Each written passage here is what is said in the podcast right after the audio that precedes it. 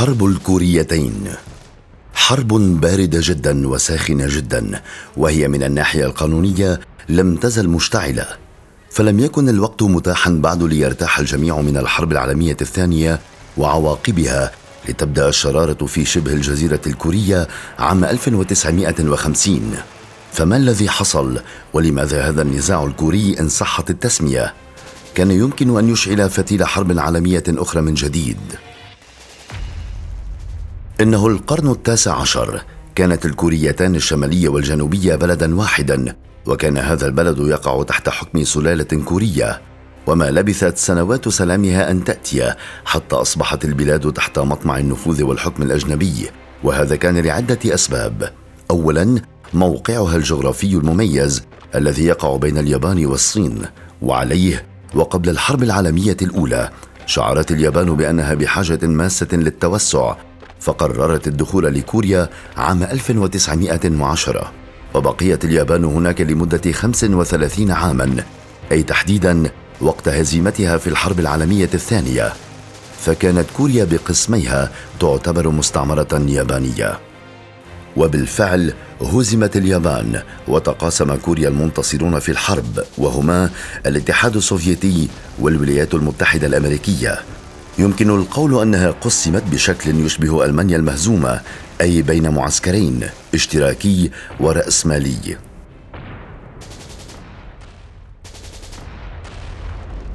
حيث أصبح البلد الواحد بلدان الشمالي وعاصمته بيونغ يانغ والجنوبي وعاصمته سيول. بداية كان الحكم في كوريا يتبع للجنة عسكريه من الأمريكيين والسوفييت لإدارة عملية استقلال كوريا خلال خمس سنوات. لكن في الأفق كانت تلوح علامات بدايه الحرب الباردة التي نعرفها جميعا. هذا الأمر وعلى ما يبدو ألقى بأثره السلبي على كوريا وعليه حلم الاستقلال بدا بعيد المنال. فلم يتخلى أي من الطرفين عن أرض وقعت بين يديهم اطلاقا ولهذا تم اقتراح انتخابات شعبية في البلاد كلها. لكن الاتحاد السوفيتي رفض هذا رفضا قاطعا. ثبت الأمر على انتخابات في كوريا المجزأة أي في الشمال على انفراد وفي الجنوب وحده. هذه الانتخابات تمت تحت قوة السلاح بين الطرفين وصولا للعام 1948 حيث أعلنت كوريا الشمالية كجمهورية مستقلة تحت اسم جمهورية كوريا الشعبية الديمقراطية والجزء الجنوبي باسم جمهورية كوريا كيم إل سونغ في الشمال وسينغمان ري في الجنوب. هذان الزعيمان كان لهما هاجس واحد وهو السيطرة على شبه الجزيرة كلها وعليه بدأت المناقشات بينهم وبين حلفائهم الشمال مع الاتحاد السوفيتي والجنوب مع الولايات المتحدة الأمريكية. صراحة لم يتوقع الاتحاد السوفيتي التدخل المباشر من أمريكا في دعم حليفتها الجنوبية.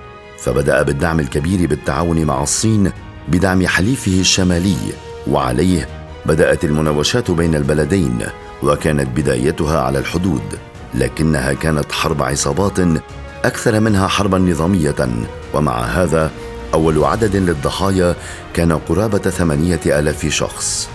وصولا للعام 1950 وجدت كوريا الشمالية نفسها مدعومة بقوة فاستدعت ما يقارب المئتي ألف جندي بعتادهم الكامل ضمن عشرة فرق للمشاة وفرقة مدرعة وسلاح جو يقدر بمئتي طائرة متعددة المهام.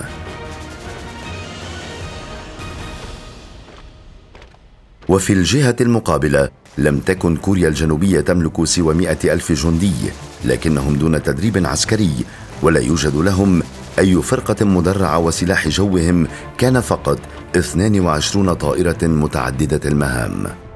انتصر الشماليون بسرعة كبيرة حيث اخترقوا الحدود وسقط الجيش الجنوبي في غضون أيام. هذا الأمر لم يكن يروق للأمريكيين التي وقعت بين حدين.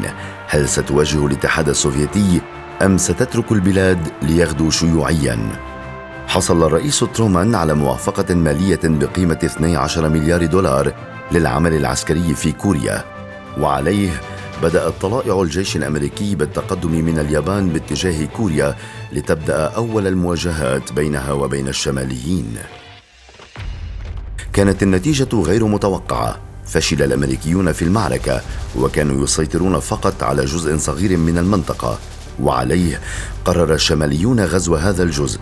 لكن المقاومة كانت حادة للغاية وحصلت هناك معركة تسمى بوسان وهي المعركة التي خسر فيها الشماليون ثلث جنودهم وعتادهم.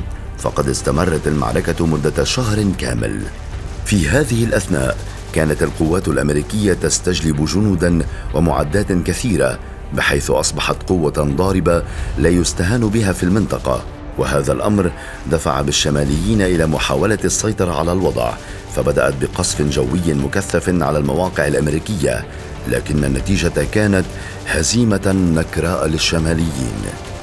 فمالت كفة الصراع للجنوبيين وحلفائهم ومع هذا تلقى الشماليون دعما كبيرا وأعلن زعيمها وقتها أنه سينهي الحرب في غضون شهر.